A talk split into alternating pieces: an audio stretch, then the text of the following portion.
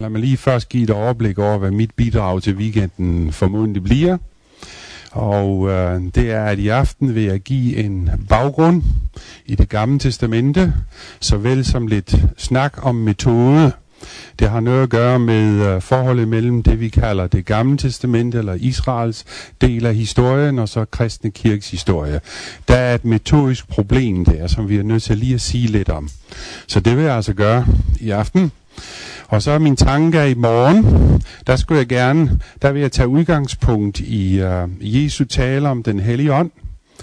I øh, uh, Matthæus, nej, ikke Matthæus, men Johannes, kapitel 14 til 16.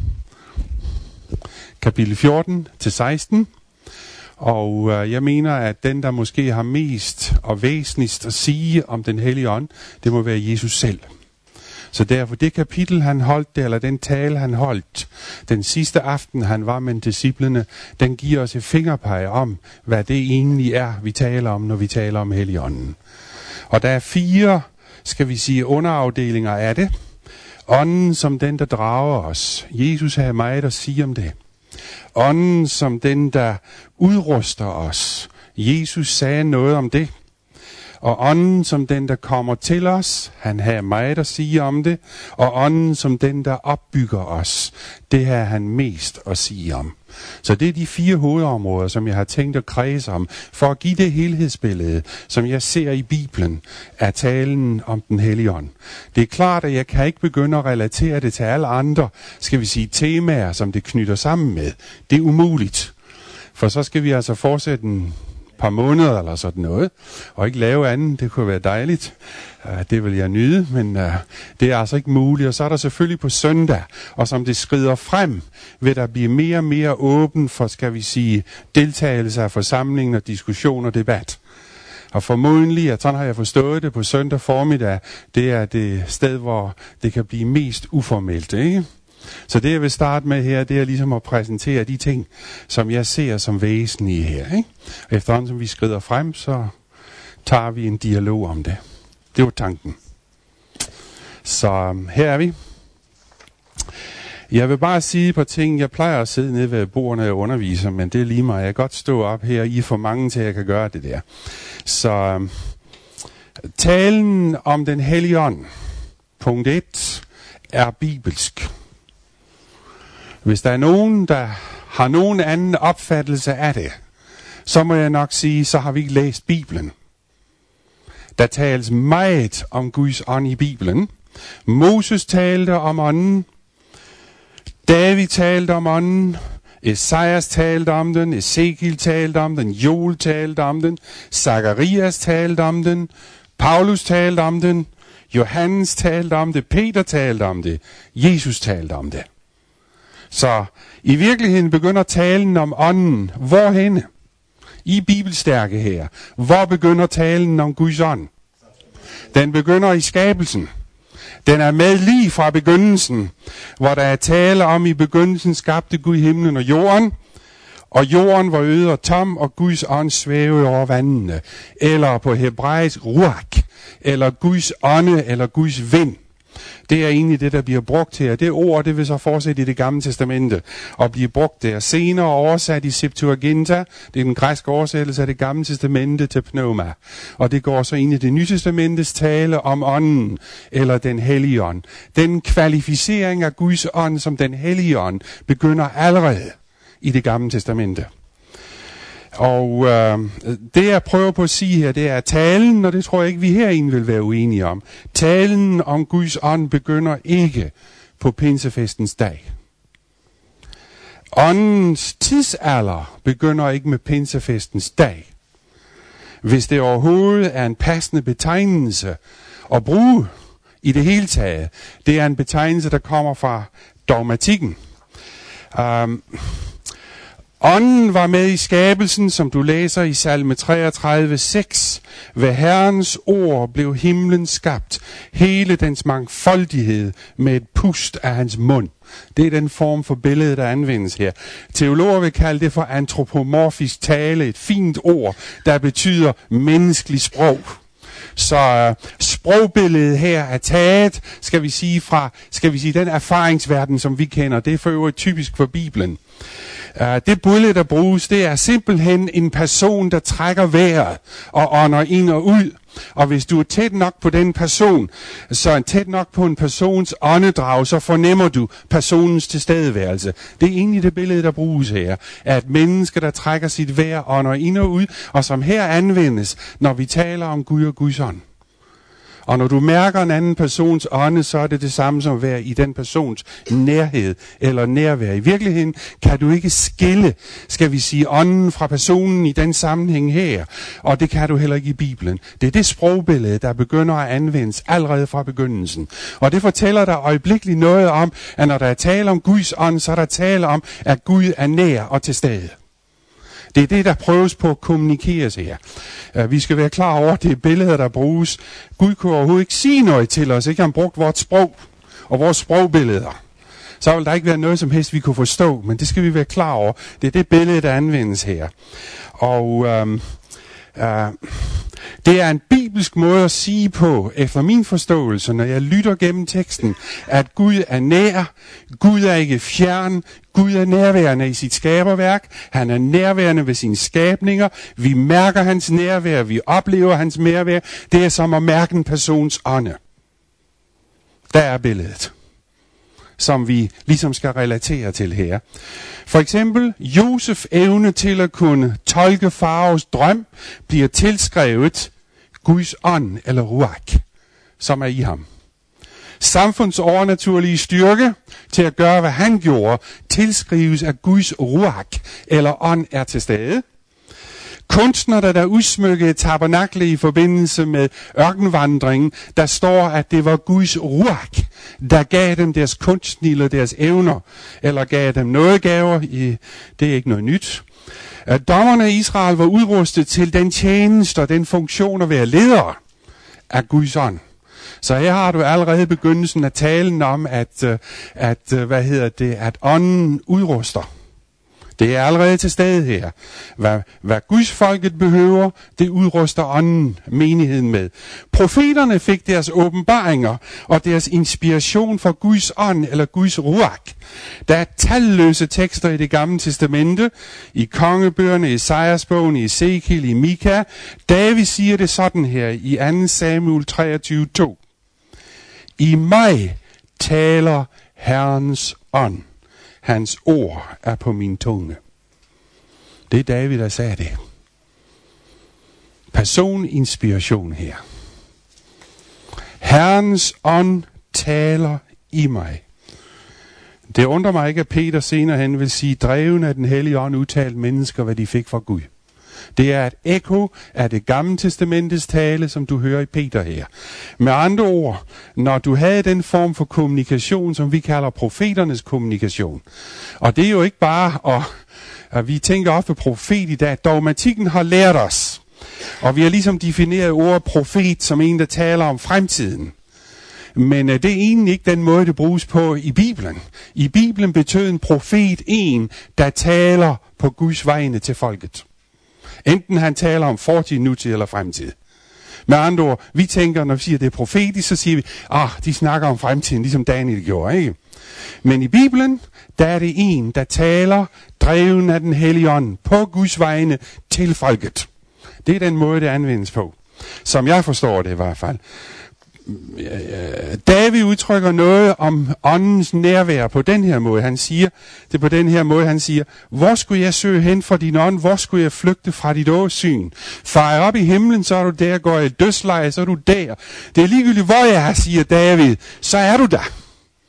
Det, det er egentlig det, han forsøger på at sige. Der er aldrig et tidspunkt, hvor du kan sige, at du ikke, hvor Guds nærhed ikke er til stede. Der var en meget stærk bevidsthed i Gamle Testamentlig tankegang om det her.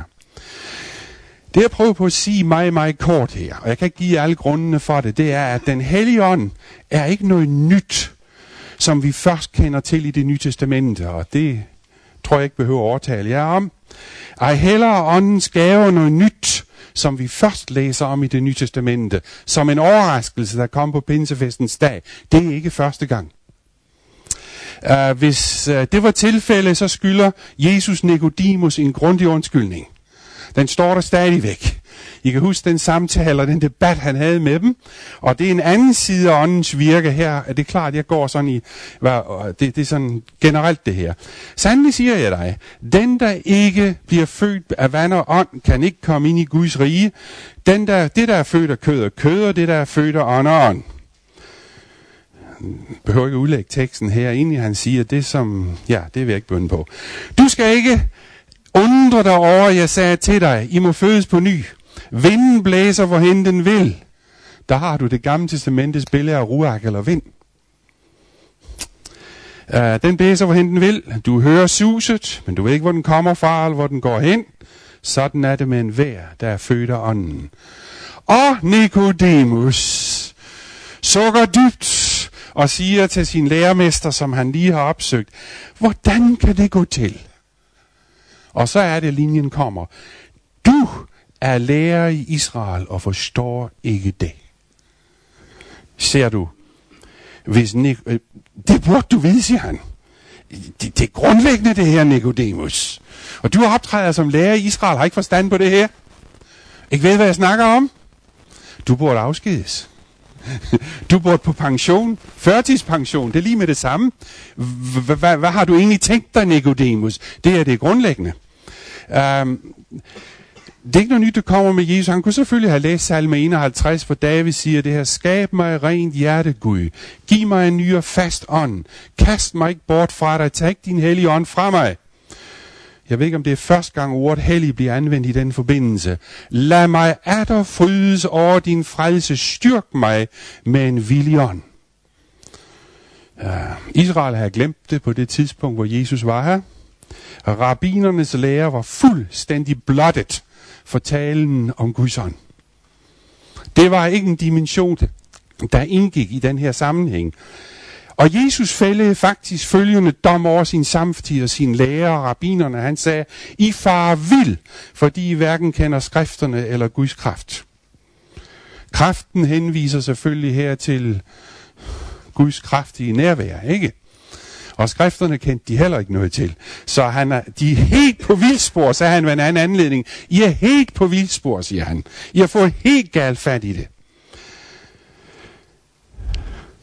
Det jeg prøver på at sige meget enkelt, det er, at, øh, at øh, talen om Guds ånd i dens forskellige relationer til os, og forskellige, skal vi sige, funktioner i relation til os, og dens forskellige former for indflydelse på os, er ikke noget, der begynder i det nye testament, og det ved vi. Uh, så hvad er det, der foregår her? Uh, hvad skal vi forstå ved det her? Uh, der er en, den her fortællingslinje, som vi kalder Bibelen. Den begynder jo egentlig et sted, og så kører den videre hen langs af. Der er en lang historie. Bibelen er en narrativ, eller en fortælling, der begynder et sted og skrider fremad. Det her, det symboliserer bare begyndelsen på historien. Den går selvfølgelig tilbage, men det er verdens skabelse, første principper. Og så skrider historien fremad. Og øh, vi er nødt til at være klar over den linje her. Jesus sagde til sin skriftkloge, han sagde, hvordan er det, I læser? Eller sagt på en anden måde, hvordan er det, I læser? Når han siger, hvordan læser I? Og han kunne lige så godt have sagt, hvordan er det, I læser? For der lå egentlig en i rettesættelse i det. Hvad er det for en metode, I anvender, når I læser Bibelen? Hvordan kan det gå til, at I er så fuldstændig på vildspor, som tilfældet er? Hvordan læser I? Se, det er metodespørgsmålet. Og det er ikke et uvæsentligt spørgsmål. Og vi ved godt, hvad det var for en metode, de anvendte. Den er kendt. Se, de lærte, at Gud havde en Torah, eller en vejledning, som han havde givet os. En Torah, den skrevne, det er det, vi kalder Bibelen, ikke? Dengang havde de jo ikke det nye testamente med, men skrifterne. Det var, skal vi sige, det vil sige, det var kilden. Det var den skrevne Torah, eller skrevne vejledning. Så var der en mundtlig Torah, eller en mundtlig vejledning. Den blev overført via rabinerne fra elev til elev. Med andre ord, sideløbende med bibelshistorien, skrev ned, havde du en mundtlig historie, der løb parallelt med det. Og den blev ført videre mundtligt fra generation til generation til generation af rabinerne af lærerne. Og de lærte, at Begge var selvfølgelig udtryk for Guds åbenbaring, og begge var ufejlbarlige. Og øh, sinds det var rabinerne, der var bærende af den her, betød det, at den her skrevne åbenbaring altid skulle forstås i lyset af rabinernes forståelse af det. Eller tolkning. Med andre ord, med andre ord, du skulle læse skriften i lyset af den mundtlige tradition. Jeg ved ikke, om I kan fornemme effekten af det. Du skulle hele tiden læse den skrevne tekst i lyset af den mundtlige tradition, der blev overleveret. Altså, eller rabinernes teologi, øh, det betød i virkeligheden, at rabinerne havde det sidste ord, som bærer af det levende ord så havde de det sidste ord, og dermed den højere autoritet end skriften selv. I husker, hvad Jesus han sagde, smukt ophæver i Guds lære, ikke? Eller Guds bud for jeres egne overleveringer og traditioners skyld. Han kunne lige så godt have sagt, smukt ophæver i, hvad Gud har sagt ved hjælp af jeres teologi og jeres dogmatik. Det er faktisk, hvad han siger. Det var sådan, de gjorde det. Han var på kant med dem i den sag her. Um, det meste er, med andre ord, rabinerne læste ind, i stedet for at læse ud. Med andre ord, teksten kunne ikke få lov til at sige noget, som rabinerne ikke havde sagt, den skulle sige. Se, I tænker, det var da, vi vil heldigvis komme over det problem, ikke? Altså, sådan nogle problemer har vi der ikke mere. Nej, nej, nej, nej, nej. Vi har ikke en levende tradition i vores hoveder, som vi har fået med os et eller andet sted fra, i lyset af hvilken vi læser Bibelen. De problemer har vi ikke mere. Heldigvis da. Sagen er, at kirkehistorien er en lang historie om, jeg underviser i metodelærer på Newbold og prøver på at lære eleverne, at øh, hvordan man lader Bibelen fortælle sin egen historie på sine egne præmisser, i stedet for hele tiden at læse Bibelen i lyset af de paradigmer eller idéer eller forestillinger, som vi har fået med os fra søndagsskole, sabbatskole, fra det miljø, vi vokser op, fra den kultur, vi vokser op i, hvordan vi bærer os ad med at lade Bibelen fortælle sin egen historie, i stedet for at læse den hele tiden i lyset, skal vi sige, at den dogmatik, vi har fået med os og lad vores dogmatik til stadighed korrigere, skal vi sige, at den læsning af skriften, hvor den fortæller sin egen historie. Se, det er en meget større problem, end de fleste er så klar over. Jeg bebrejder ikke nogen for det. Men sagen er, at vi har alle sammen tilbøjelighed til at læse den i lyset af den tradition, vi er i. Vi læser den i lyset af bekendelseskrifterne, hvis du er en god lutheraner. Ja, det gør du. Vi læser den i lyset af teologiske forestillinger, som har blivet nedarvet af forældre, lærere, søndagsskole, samfund, eller bare fordi vi befinder os i det danske samfund, der har været præget af en vis kirkelig tradition, så vil de fleste af os have mange af de forestillinger med os, uden vi har reflekteret over dem. Se, vi er ivrige efter at døbe folk hurtigere, end jeg mener, vi burde gøre det, fordi vi lever i en folkekirkelig miljø hvor det faktisk har været læreren hele tiden, og med mindre dåbens handling er udført, så går du fortabt, eller bliver ikke frelst. Og dermed bliver der en vis nervøsitet her. Det må gøres det her, det må gøres så hurtigt som muligt. Se, der skal vi bare være klar over, at den verden, vi lever i her, er måske med til at forme vores tanker omkring det spørgsmål. Nu mener jeg ikke, at vi er storslemme. Det var ikke det, jeg sagde. Jeg siger bare, at tendensen er, den er der. Det var bare et eksempel. Så øhm, øh, vi har alle sammen et sæt idéer, som fungerer på den måde ind i hovederne på os. Du. Spørgsmålet er ganske enkelt. Hvordan lader vi Bibelen fortælle sin egen historie på sine egne betingelser? Se, det er den metodiske udfordring, som hver eneste generation står overfor. Hvordan lader vi den gøre det der? Se, nogen af jer vil sige, at det gør vi da hele tiden. Hver eneste sabbatskoleklasse, jeg sætter i, der lader vi den fortælle sin egen historie. Da jeg ikke har været her i 10 år, så kan jeg jo ikke kommentere noget om, hvad der foregår i jeres sabbatskoler.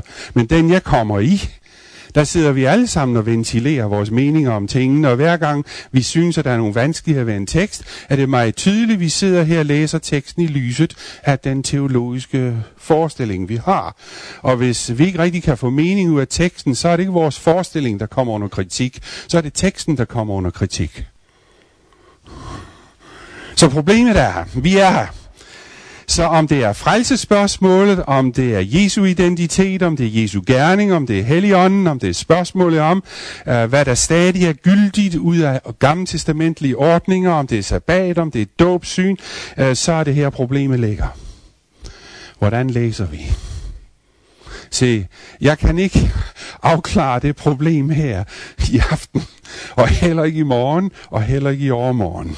Det er et, jeg stadigvæk selv kæmper med. Vi kæmper med det i hver evig eneste klasse. Uh, problemet er bare, at vi hele tiden skal være klar over, hvis jeg bare gør jer bevidst om det i aften, vi har en tilbøjelighed til at læse mere ind, end at læse ud af skriften. Hvis ikke øh, vi mener, at vi har det problem, så kan jeg næsten ved sikkerhed sige, at vi har det. Den, der mener ikke at have problemet, har problemet. Fordi de vil automatisk, ja, de vil automatisk gøre det. Se, de vil selvfølgelig udfordre mig og sige, hvad, hvad forstand har du på det? Men det har jeg måske heller ikke.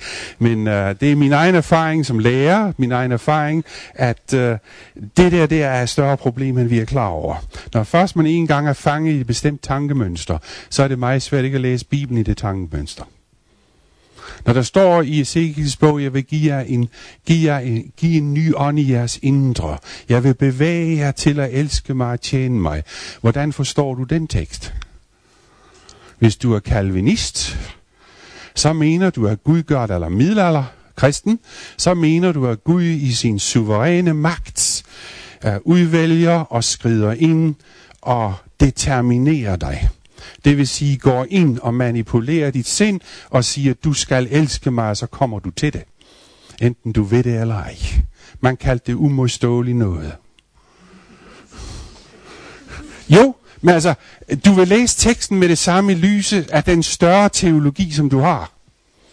Hvis du har anden opfattelse af det, så begynder du at spørgsmål, hvordan vil Gud bære sig ad med at vinde mit hjerte og mit sind, hvis ikke han vil bruge magt over for mig, han ikke vil manipulere mig, hvordan bærer han sig så af med at vinde min loyalitet og mine tanker og min hengivenhed? Han lover, det vil lykkes at gøre det.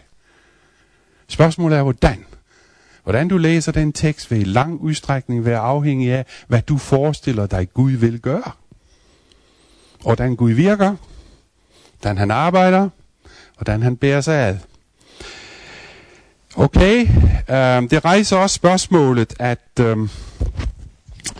at øh, vi skal være klar over i lyset af, af hvilken dogmatik og teologi læser vi i Bibelen. Vi skulle være bevidst om det der. Hvilken kilder drikker vi af? Der er nogen, der siger, at jeg skulle ikke have de bøger på hylderne, jeg har for 90 procent af det er vranglæger. Um, men problemet er her simpelthen, um, ja, jeg vil ikke sige mere om det. I har fattet det. I har fattet det. Jeg prøver bare på at undervise mig selv. Der er et grundproblem, jeg gerne vil fremhæve her i aften. Et problem, jeg vil tage frem. Og det har at gøre med det forhold, vi ser mellem det gamle og det nye testamente. Et andet klassisk eksempel på, hvad vi har med at gøre. Og det er ikke uden relevans for talen om det med Helligånden. Eller forståelsen af, hvilken placering pinsefestens dag har i, det større, i den store historie. Vi ser, pinsefestens dag fandt sted et eller andet sted her i historien. Det gjorde den. Der har du pinsedag. Og der skulle det en her, tror jeg. Der har du den begivenhed her. Hvor befinder den sig i historien? Hvordan skal vi forstå den begivenhed? Er det en begivenhed, som du skal forvente vil blive gentaget individuelt fra person til person? Er det en begivenhed, som kollektivt skal gentages igen og igen? Er det en engangsbegivenhed, der starter noget nyt, som så følger dig af? Hvordan læser du den historie her? I nøjagtigt, hvad betyder det her? Hvad rolle har det i historien? Du kan ikke sige pinsefestens dag uden at sige åndens dag, kan du? Nej. Så når som helst du taler om Guds ånd, så er du også nødt til at tale om den begivenhed eller andet sted i historien. Så der er et problem, jeg vil fremhæve her. Um, det er det problem, som er så forankret i den kristne dogmatik og historie. Det er nemlig, at det næsten anses for at være selvindlysende i de fleste kredse. Nemlig, at der er en eller anden form for diskontinuitet mellem Israels historie og den kristne kirkes historie. Det er to forskellige historier med stor diskontinuitet. At kirken er noget radikalt nyt, som fundamentalt bryder med nogle af de grundlæggende elementer i det gamle testamentets frelseshistorie. I møder det på mange forskellige måder. For eksempel, det gamle testamente, der er det lovtrældom. I det nye testamente er det frihed for loven. I det gamle testamente er det bogstav, i det nye testamente er det ånd. I det gamle testamente bliver man frelst ved at overholde en kontrakt. I det nye testamente bliver man frelst ved tro eller noget, eller ved at modtage en gave. Jeg er godt klar over, at jeg sætter det her meget skarpt op. Men det er for debattens skyld. Men tendensen er der. Og jeg, jeg, jeg, jeg skulle være meget, tage mig fejl, hvis I aldrig nogensinde har hørt det, eller befundet jer i den diskussion på noget tidspunkt. Uh, selv, uh, hvad hedder det, ja, hvad mere, jeg satte mig skarpt op, men det ændrer ikke ved det meget fundamentale, at selv de moderate synspunkter her mener, at der er noget radikalt nyt, som aldrig har været der tidligere med kirkens historie som på en eller anden måde står i kontrast til væsentlige dele af den historie, der gik forud. Al vores tale om Helligånden kommer ind i den sammenhæng her. Paulus tilskrives jo at være råden til det. Alt ondt. Uh, men uh, jeg mener, der er langt mere end Paulus her. Jeg er begejstret for Paulus. Lad mig sige det med det samme. Um, uh, der er langt mere til historien end Paulus. Se, i det andet århundrede begyndte kirken at lægge så lang en distance til jødedommen, som den overhovedet kunne. Og ved I hvorfor? Jøderne var et revolutionært folk, der gjorde oprør mod imperiet. Og de gjorde det afskillige gange. Og de gjorde det ud fra en messiansk forventning og håb om, at Gud ville give dem riget. De udgjorde omkring 10% af romerrigets befolkning, så det var en magtfuld gruppe, som Rom var nødt til at gøre noget ved. Se oprøret i 70 mod kejser Nero. Det mislykkedes. Vi kender resultaterne. Jerusalem blev jævnet. Men øh, de prøvede igen i 135, der var en opstand med Bar Kokhba, hvor han samlede jøder ikke bare i Palæstina, men i hele området i uh, det romerske imperium, og der var et generelt oprør. Resultatet var, at kejser Hadrian tog den beslutning, at han ønskede en endløsning på det jødiske problem. De folk var så forhatte i romeriet nu, overalt, på grund af deres stadige oprør og terrorisme, at nu var det altså på tide for at sætte en stopper for det her en gang for alle.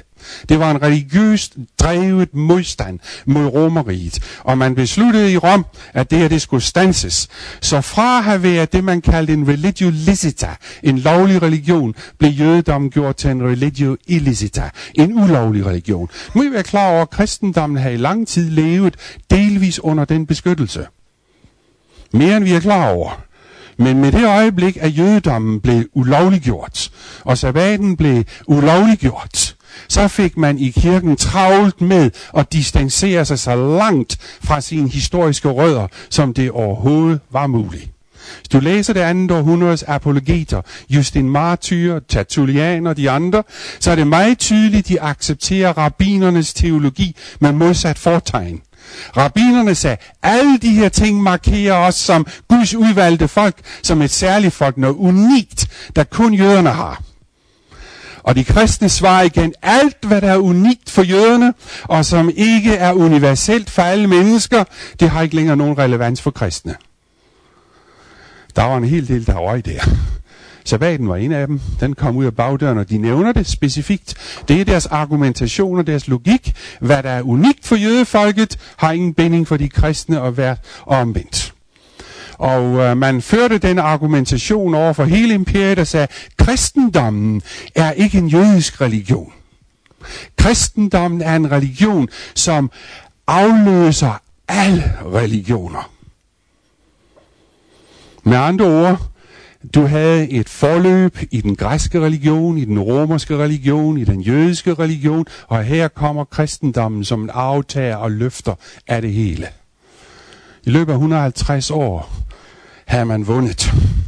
Og øh, man havde haft succes. Øh, det er faktisk, hvad der skete.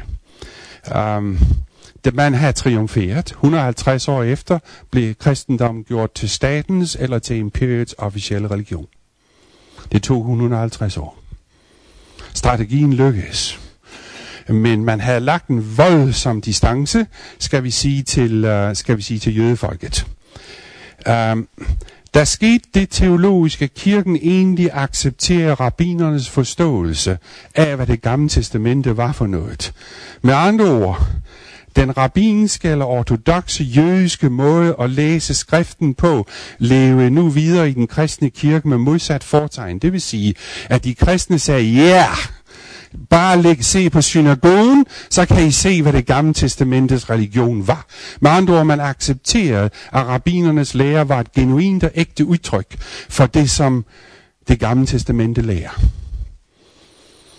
Øh, kan I fornemme forsen i det her?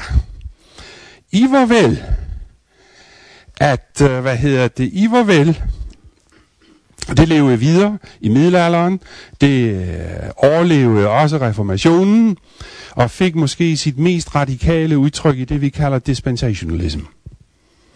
Det var en englænder, Darby og Ir, hvad han var i 1850'erne, øh, der begyndte at sætte op en teologi omkring de her ting, og han delte historien op i dispensationer, og øh, han byggede et radikalt modsætningsforhold mellem det gamle testament og det nye testamentets historie øh, fuldstændig diskontinuitet. Gud har to forskellige folk på jorden, han har jøderne og de kristne.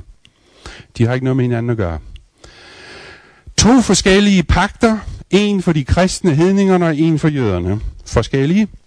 Han har to forskellige frelsesveje, en for jøderne, lovgærninger, og en for de kristne tro. At, øh, Uh, ja, yeah, jeg kan tilføje her, at uh, dispensationalism selvfølgelig er et af de mest radikale udtryk, du har for det. Og det er egentlig den, der er også grundlag for den kristne sionisme, som du hører en del om fra det amerikanske bibelbælte. Ikke? Jeg ved godt, hele den der fokusering på Israel som Guds folk. Men bagved der ligger det, Gud har to folk. Han har en pagt med Israel, og han har en med de kristne. De to verdener har ikke noget med hinanden at gøre. Uh, den tankesang, selvom de fleste ikke går den vej, så er det et tankesæt, der ligger meget, meget dybt.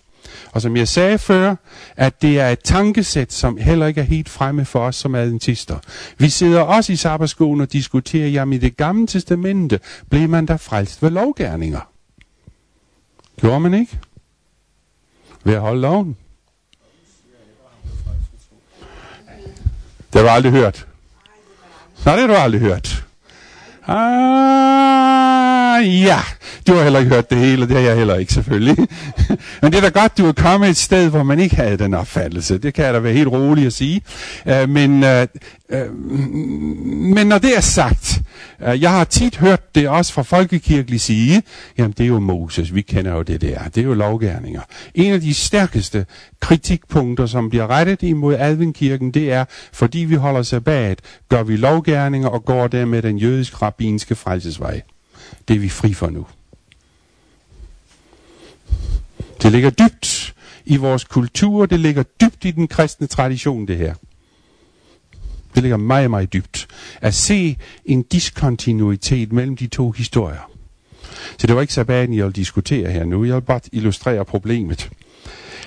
Og det er min pointe, det er, at øh, på trods af, den kristne kirke og teologi har i stor udstrækning gået den vej, på trods af, at Jesus lærte, at hans lære var det ægte udtryk for det gamle testamentets religion.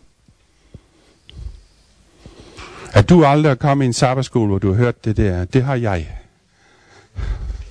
Ja, jeg har hørt det. Og øh, hvad hedder det nu? Uh, i var vel, og det er det der metodisk, jeg gerne vil have, I skal lægge mærke til. Da Jesus gik her på jorden, der tog han rabinerne og deres teologi grundigt i skole. Og han sagde, jeg er helt på vildspor. I far vild, fordi I hverken kender skrifterne eller Guds kraft. Han sagde, der står skrevet. Jesus med andre ord, du læser grundigt i det nye testamente, vil jeg sige, det var for min opfattelse af det, at Jesus tager et voldsomt og direkte opgør med sin samtidsteologi og siger, at den er gal. I har helt fejllæst det her. Med andre ord, Jesus hævder, at den teologi eller religion, han forfægter, det er det ægte udtryk for det gamle testamente. Vel, det er da rart, hvis det er tilfældet. Det giver det da lidt mere komfortabel, hvis det er tilfældet. Men det synes at være, hvad Jesus han siger. Det er, hvad jeg lærer. Jeg er vejen, sandheden og livet. Og øhm, han sagde også, hvis vi vil vide, om min lærer er fra Gud, eller jeg taler om mit eget, øh, hvis I virkelig ønsker at vide det, så vil vi også finde ud af det. Hvis ikke de tror på Moses, så tror de heller ikke på mig. Hvis ikke de gør det, så vil de heller ikke tage det der. Om så døde opstår, hvad nytter det? And, og, og hvad hedder det? Jesus bruger masser af eksempler, der illustrerer netop det her forhold her, hvor han netop siger, det hans egen samtid lærte, var ikke et gyldigt udtryk for det gamle testamente. Og alligevel ser du, at det meste af kirkehistorien har kirkehistorien adopteret det syn, at hvad rabbinerne lærte dengang var det genuine udtryk for det gamle testamente. Se, metodisk har det stor indflydelse på det, vi kommer til at snakke om i den her weekend. Hvis du ser en dyb diskontinuitet, eller bare en delvis diskontinuitet, eller du ser en kontinuitet mellem de to verdener. Vel, det er muligt, du ikke er klar over. Paulus øh, er heller ikke, t- øh, Paulus kan heller ikke blive taget til indsigt for, at der er den dybe diskontinuitet. Det mener jeg ikke. Han hævder, at ved lovgærninger vil intet menneske blive retfærdiggjort, som du henviser til, ikke? Og øh, hvis der er intet menneske, der vil blive retfærdiggjort eller frelst ved det, så er der ikke nogen, der nogensinde er blevet retfærdiggjort ved det. Og der er heller ikke nogen, der hverken i fortid eller nutid eller fremtid vil ende op i Guds rige på den måde. Og øh, hvis man i det gamle testamente hævder, at frelseslæren gik ud på, at det var ved gerninger, du blev frelst, så har Gud pålagt dem en ordning, som vil føre dem til helvede. Og ikke til himlen. Det er grusomt, hvis det er tilfældet. Så mange år tusinder og pålægge mennesker en vej, som han godt ved fører til helvede. Hvor må han have hadet de mennesker? Jeg er grov nu, det ved jeg godt. Jeg sætter det meget på spidsen i den her sammenhæng her. Jeg mener, både Jesus og Paulus har ret her. Der er et eller andet, der gik galt for samtidens jødedom på det her tidspunkt. Det var gået galt meget længe før det. Men min pointe her er, at uh, hvorfor siger jeg det her? Hvad har forståelsen af Helligånden at gøre med den sag? Jeg tror, det har en helt del at gøre med det. Um, um, en ting til, jeg vil sige her, det er, at uh, den kirke, jeg tilhører, har heldigvis en trosbekendelse, som jeg kan gå ind for. Uh, den er meget simpel, den er meget enkelt. Uh, på engelsk er det, The Bible is our only creed. Det betyder, at Bibelen er vores eneste trosbekendelse. Det kan godt være, at kirkens dogmatik har belastet os, belastet alle. Vi er børn af den. Vi kan ikke sige os fri for det. Men øh, det jeg er kaldet til, hvis jeg skal være tro mod den bekendelse, det er at nå et punkt og adoptere en fremgangsmåde, hvor jeg lader Bibelen fortælle sin egen historie på sine egne præmisser. Det er jo det, der skabt adventmenigheden. Vi har ikke altid været tro imod det. Nej, det gjorde det. Ja, det er en opgradering af Sola Scriptura, skriften alene. Uh, det var egentlig det, de kaldes for restorationist, og the, the Christian restorationist in America, eller, eller hvad de hed. Ja, ja det var, hvad de hed. Uh, en meget radikal bevægelse i Amerika efter, efter revolutionen, som sagde, nu skal vi altså have, the reconstructionist blev de også kaldt, de her forskellige navne, ikke? Meningen var, lad os smide hele kirkens dogmatik ud og begynde helt forfra på en frisk. Det var det revolutionære Amerikas ånd, du ved ikke? Hele den belastning af traditioner i politik, stat og kirke, lad os ud af døren med det efter 1776, og lad os begynde på en frisk. I religiøse sammenhæng betød det, lad os begynde forfra med Bibelen. Så sagde de, vi har kun én trosbekendelse, det er Bibelen. Se, det er en ting at bekende det, noget andet er at gøre det. Se, det er to forskellige ting. Men bekendelsen er god, og det mener, den er meget, meget stærk. Um, det er noget, der giver eksistensberettigelse. Det er i hvert fald en bekendelse, jeg kan leve med. Og det betyder, at hvis jeg skal være tro mod bekendelsen, så kan jeg ikke tillade værtslig videnskab eller sekulær videnskab at være det prisme, hvor igennem jeg læser Bibelen. Med andre ord, jeg er nødt til at være kritisk imod den historisk kritiske metode. I læsningen af Bibelen. Fordi den starter med nogle præmisser, som er bundnaturalistiske. Det kunne vi snakke længere om. Øh, jeg kan heller ikke lade mine subjektive erfaringer og oplevelser, eller det jeg observerer omkring mig, være normgivende for, hvordan jeg skal læse Bibelen. Jeg kan ikke sige, fordi jeg har oplevet det her, så skal Bibelen forstås på den her måde. Det er min oplevelse, eller min erfaring som kristen, der skal under den belysning, der hedder skriften. Eller, jeg kan heller ikke lade traditionen, heller ikke vores egen.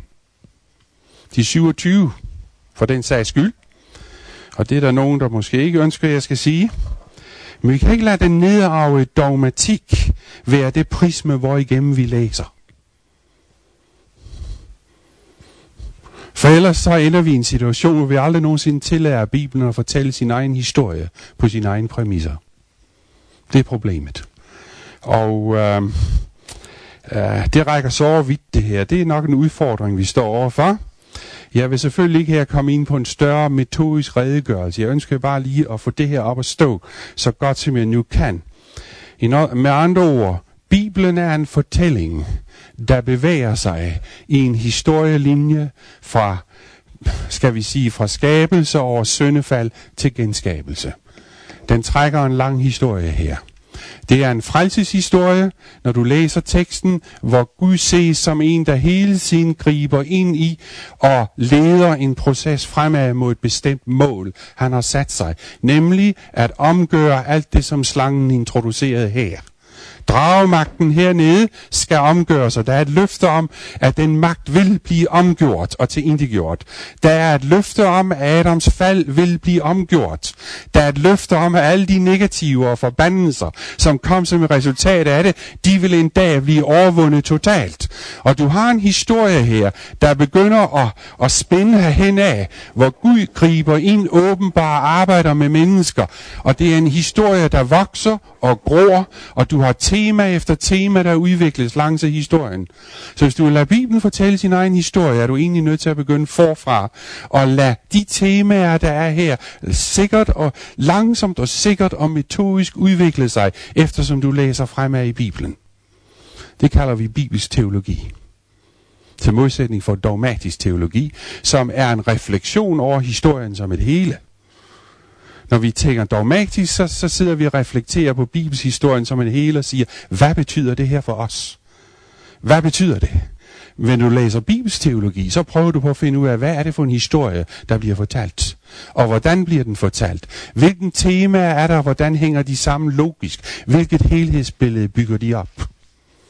Uh, det er noget af det, som jeg tror, vi skal gøre. Um, og her har du så nogle af de grundlæggende løfter.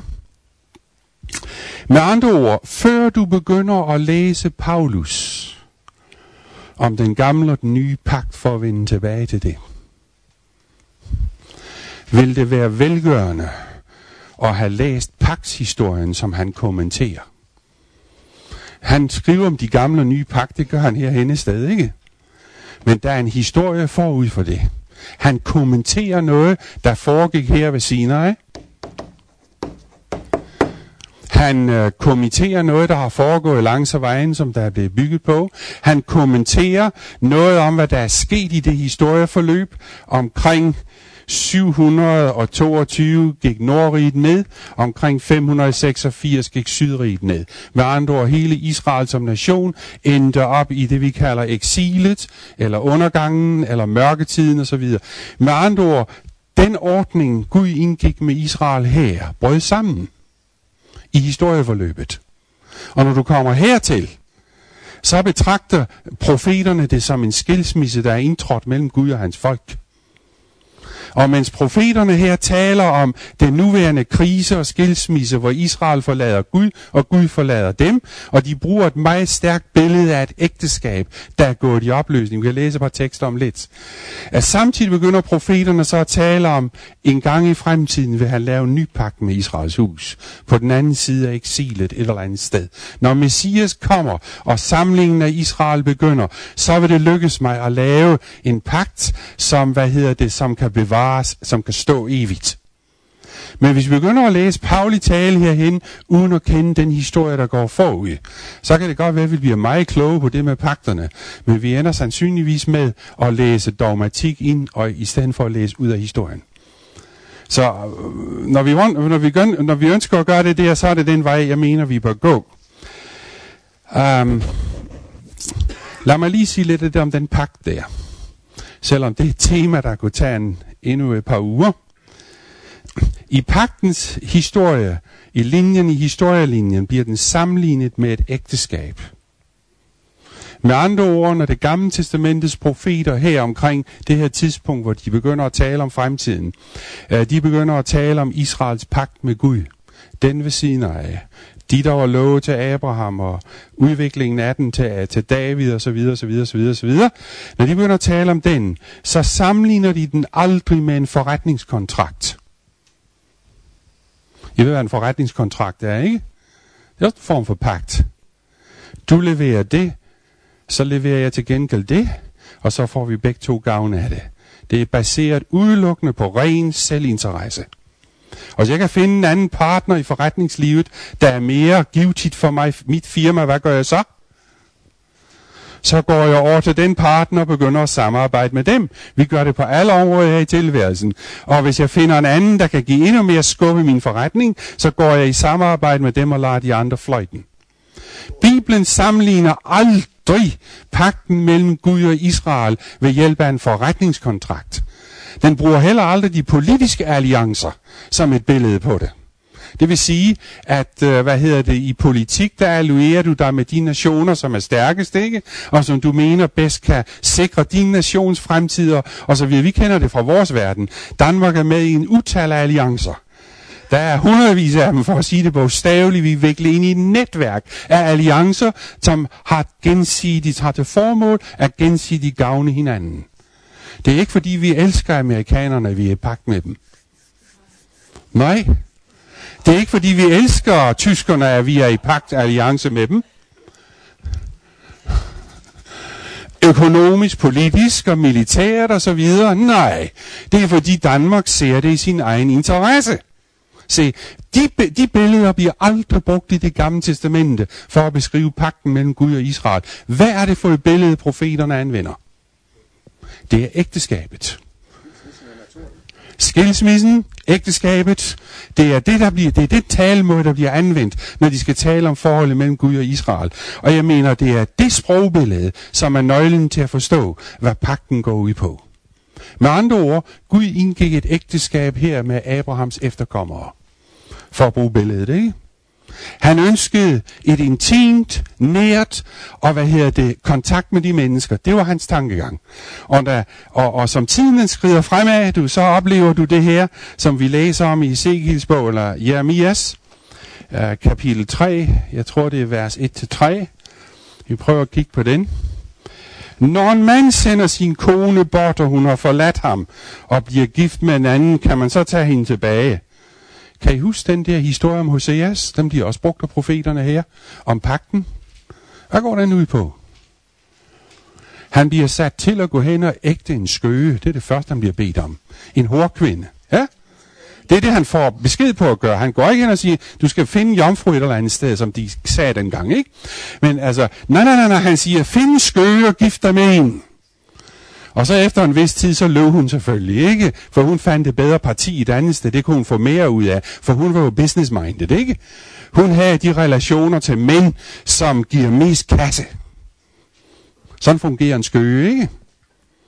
Jeg mener, de knytter sig ikke til en partner ud af kærlighed og hengivenhed eller noget som helst. Nej, nej, nej. I lyst og nød. Nej, nej, nej, nej, nej. Du går der, hvor det giver mest kasse, der giver mest kasse.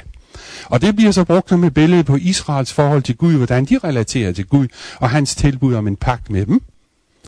det var, at øh, hvis du læser profeterne, det er faktisk saftig tale, når de bruger skøgebilledet der, ikke? Uh, bruger billedet af Israel var som en, en kvinde, der lå og spredt ben for en hver elsker, der kom forbi og tog dem alle sammen ind, så nogle ord bruger de, for det kan synke ind i hovedet på dem, ikke? De kan forstå, hvad det er, der bliver snakket om her.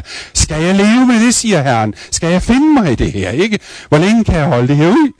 Og så er der et billede af, at du løb med hver eneste elsker, du kunne finde på vejen. Der, hvor du troede, du kunne få mere ud af det. Med andre ord, Israel tjente Herren, så længe det var i deres interesse. Og kasseapparatet klingede, og goderne kom. Hvis de fandt en anden, som de mente kunne give mere øh, velsignelse i deres tilværelse, så løb de efter de guder og de nationer. Og til sidst ender du i en situation efter 490 år, hvor Gud siger til dem, nu er det nok, nu kan jeg ikke mere. For øvrigt vil de heller ikke mere. Til Jeremia siger det, de herren ord har talt, vil vi ikke høre. Så vil de slå ham ihjel. Så til sidst siger Gud til dem, lad dem gå. Lad hende gå. Lad hende gå. Og øh, et, et vist sted siger han, Efraim, hvordan kan jeg lade dig gå? Mit hjerte krumper sig i mig. Det er den forsmåede elsker, der elsker den kvinde, men alligevel er tvunget til at lade hende gå nu. Hun vil ikke. Hun vil gerne simpelthen ikke. Hvad kan du så gøre? Han lader hende gå. Pakten er brudt. Skilsmissen er indtrådt. I forholdet. Uh, Hoseas får så besked for i et billede og sige til Israel, okay, han får så besked om længe efter, gå tilbage og hent hende tilbage og gift dig med hende en gang til. Efter den her historie. Med andre ord, du har et billede af, at Gud ægter en skøge første gang, og han går tilbage og ægter hende en gang til. Profeterne efterlod et løfte her. Det er efter pakten er brudt. Det er brudt sammen. Det hele skilsmissen er indtrådt, og de er gået fra hinanden. På trods af, at Herren ikke ønskede det sådan. Han elskede hende stadigvæk. Så sagde han en gang i fremtiden, så vil jeg vende tilbage til Israels hus. Jeg vil lade dem, nu kan I prøve jeres elskere derude. Og når I engang er blevet træt af dem, så vil I opdage, at jeg var måske en god mand, når det kommer til stykket. Og så vil I vende tilbage, ikke? Han venter stadigvæk som faren der uden for porten, ikke? Vil de komme igen, ikke? Og han lover en dag i fremtiden, vil han vende tilbage og ægte dem på ny. Det er den nye pagt. Med andre ord, det var det gamle ægteskab. Han lover en gang i fremtiden, vil han indgå et nyt ægteskab med Israels hus. Og det, der er forskellen på de to ægteskaber, det er, at i det nye ægteskab vil det lykkes Gud at vinde deres hjerter og deres sind. Så de elsker ham af hele deres hjerte. Og når de engang elsker ham af hele deres hjerte, så er det et evigt varende forhold. Det er forskellen. Men øh, problemet med den gamle pagt er ikke først og fremmest fra Guds side. Det var folket. Han ægte en skø. Vi er skøer, det er billedet selvfølgelig. Vi er faldende mennesker, og vi tjener ikke Gud af kærlighed, vi gør det ud af selvinteresse. Hvordan kan Gud nå det punkt, hvor han vinder vores loyalitet, vores sind og vores tanker, sådan at vi siger, ja, det er her vi vil være uforbeholdent, hvor den der, skal vi sige, hvad får jeg ud af det, måde at tænke på, den er forbi. Gud lover en dag, vil han gøre det. Pinsefesten står i den historielinje, for at sige det meget kort, som det øjeblik, hvor Gud vender tilbage og ægter sit folk på ny. Nu lykkes det ham at vinde deres hjerter. Der var kun 500 på det tidspunkt der. Nu lykkes det at vinde deres sind og deres hjerter. Det, det, det, det, det, det, der den sidder i historielinjen. Der den sidder i historielinjen. Og det var noget af det, som jeg gerne ville have til at sidde her. Lad os læse et par tekster til. Jeg blev ikke færdig med det her. Vel, um, jeg mener også, at vi er kød og blod. Det er ikke det der, vi, vi bruger nogle ord her, som måske en gang imellem, hvad, hvad, hvad skal vi gøre med sprog, ikke? Ja, ja, det har hele tiden været Guds tanke, at de skulle med ind i ligningen. Det har hele tiden været hans tanke, de skulle med. Ja, ja, det er helt tiden været hans tanke, de skulle med. Så det er en længere historie, som jeg kan komme ind på. Det er efter her, det er, at når vi taler om de her ting, og vi skal til at tale om heligånden, Pinsefesten og alle de her ting. Vi taler om en historie, der er en del af en meget større historie. Og hvis ikke vi har den store historie omkring det, så vil vi sandsynligvis ende med dogmatisk at fejllæse, hvad vi har med at gøre. Og give det en mening og en betydning, som det måske ikke har eller en for lille betydning i forhold til, hvad det virkelig har. Okay, der står her mere om det gamle testament. Ret dit blik mod den nøgne jord, se over alt, der der bedrev hår. Du sagde og vente dem ved vejene, som en raber i ørkenen. Du vandhæld i landet med dit hår din ondskab. Og regnskyldene blev holdt tilbage, forårsregnen udeblev. Men du, blev, du havde en hårkvindes pande, og du ville ikke skamme dig. Har du ikke lige netop råbt til mig, fader, da du, du er min ungdoms elskede, fredes han for evigt, bærer han nag for altid, kan han ikke bare glemme det her? Sådan siger du, og sådan handler du ondt, og det magter du. Så går han videre her i kapitel 31 og beskriver Israel igen. Det skal komme dage, siger Herren. Husk på, at Jeremias er den sidste profet i Jerusalem, før det er slut. Uh, da Øh, der er en ny pagt med Israels hus og med Judas hus. En pagt, der ikke er som den, jeg sluttede med deres fædre, da jeg tog dem ved hånden og førte dem ud af Ægypten. De brød min pagt, skønt det var mig, der var deres herre, siger Herren. Men sådan pagt, jeg vil slutte med Israels hus, når dage kom, Uh, når de dage kommer, siger Herren, jeg lægger min lov i deres indre og skriver i deres hjerte, så de vil være deres Gud, og de skal være mit folk. Ingen skal længere sige til sin landsmænd og sin bror, kend Herren, for alle kender mig, fra den mindste til den største, siger Herren. Jeg tilgiver dem deres skyld og husker ikke mere på deres synd. Der er løftet om igen og forny ægteskabet. Hvis du går til Ezekiel, kapitel 36, som er velkendt en, jeg vil hente jer fra folkene og samle jer fra alle landene og bringe jer til jeres eget land. Jeg vil stænke rent vand på jer, så I bliver rene. Jeg renser jer for jeres urenhed, for alle jeres guder. Jeg giver jer nyt hjerte og ny ånd i jeres indre. Jeg fjerner stenhjertet fra jeres krop og giver jer hjerte af kød. Jeg giver jer min ånd i mit indre, så I følger mine love og omhyggeligt holder min bog et bud, og I skal bo i jeres land, og så videre. Masser af de løfter, der gives her, i forbindelse med sammenbruddet, at der kommer en dag, hvor Gud vil starte på en frisk. Så pinsefesten sidder her i en kontekst, som jeg vil kalde fornyelsen af ægteskabet. Gud kommer tilbage til Israel efter en meget lang mørketid.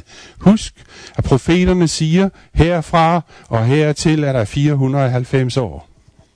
Så er ægteskabet slut og brudt sammen. Der er tale om, jeg gav jer et skilsmissebrev, siger profeterne. Der er ingen tvivl om det. Han bruger de stærke ord der. Vi er gået fra hinanden nu.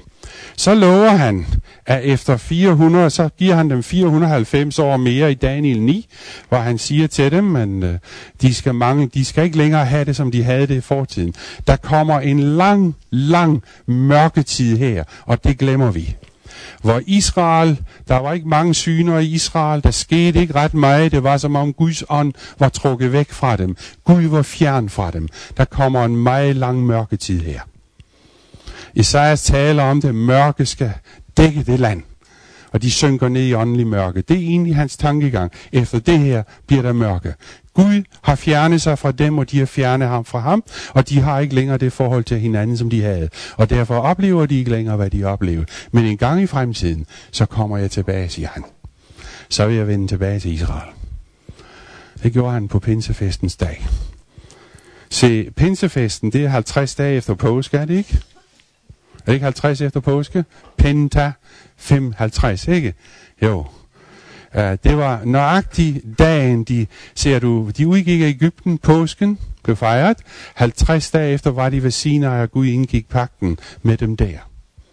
Hvor passende, at Gud skulle genoprette det ægteskab, nøjagtig 50 dage efter det sande påskelam var bragt. Pinsen er pagts fornyelsen efter det store sammenbrud i den Israels historie. Og vi behøver at have den kontekst med, hvis vi skal sætte pris på, hvad der er, der sker i det nye testamente.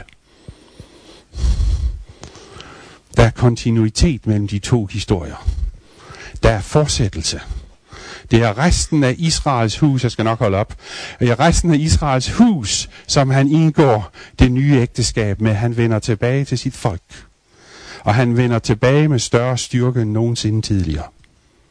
For nu får han det rigtige ægteskab, som han hele tiden har villet. Problemet var ikke fra Guds side. Problemet var, at han havde at gøre med en, skal vi sige, en kone, må jeg bruge det udtryk, som ikke elskede ham. Hvordan vinder du hendes kærlighed? Det har været Guds problem igennem hele historien. Der sker noget her, som gør, at det er muligt for ham nu at vinde deres sind og deres hjerter. Der sker noget her. Gud åbenbarer sig endnu kraftigere, endnu stærkere her. På en sådan måde, at han får fortalt dem, jeg har gjort noget for jer, uden hvilken I ingen fremtid har. Og når det går op for os, vi har ingen fremtid uden det, der skete her. Til således elsker Gud i verden. Så er der nogen af os, der begynder at sige, ja herre, du er en god herre. Der er nogen af os, der giver vores hjerter, vores sind og vores loyalitet til ham og siger, dig vil vi tjene. Vi begynder at elske ham også. Og det ægteskab, han ønskede, der skulle eksistere mellem os. Han ønsker kærlighed. Han ønsker ikke fornuftsægteskab, hvor vi bruger hinanden. Han ønsker det andet. Og med den historie var det muligt for ham at gå ind og vinde vores sind og vores hjerter på en sådan måde, at han kunne lave et evigvarende ægteskab med dig, med dig, med dig, med dig og med mig. Så pinsefesten, det er, hvor Gud vender tilbage til sit folk. Han har været der tidligere. Det er ikke første gang, han har været der. Det er ikke første gang, han har vist sin tilstedeværelse. Det er ikke første gang, hans ånd har vist sig og virket i Israel. Men nu vender han tilbage med fuld styrke. Og nu genopretter han det ægteskab, som han egentlig hele tiden har ville have. Og nu lykkes det. Nu lykkes det. At vinde hendes sind og hendes hjerte. Ja, det var meget kort fortalt.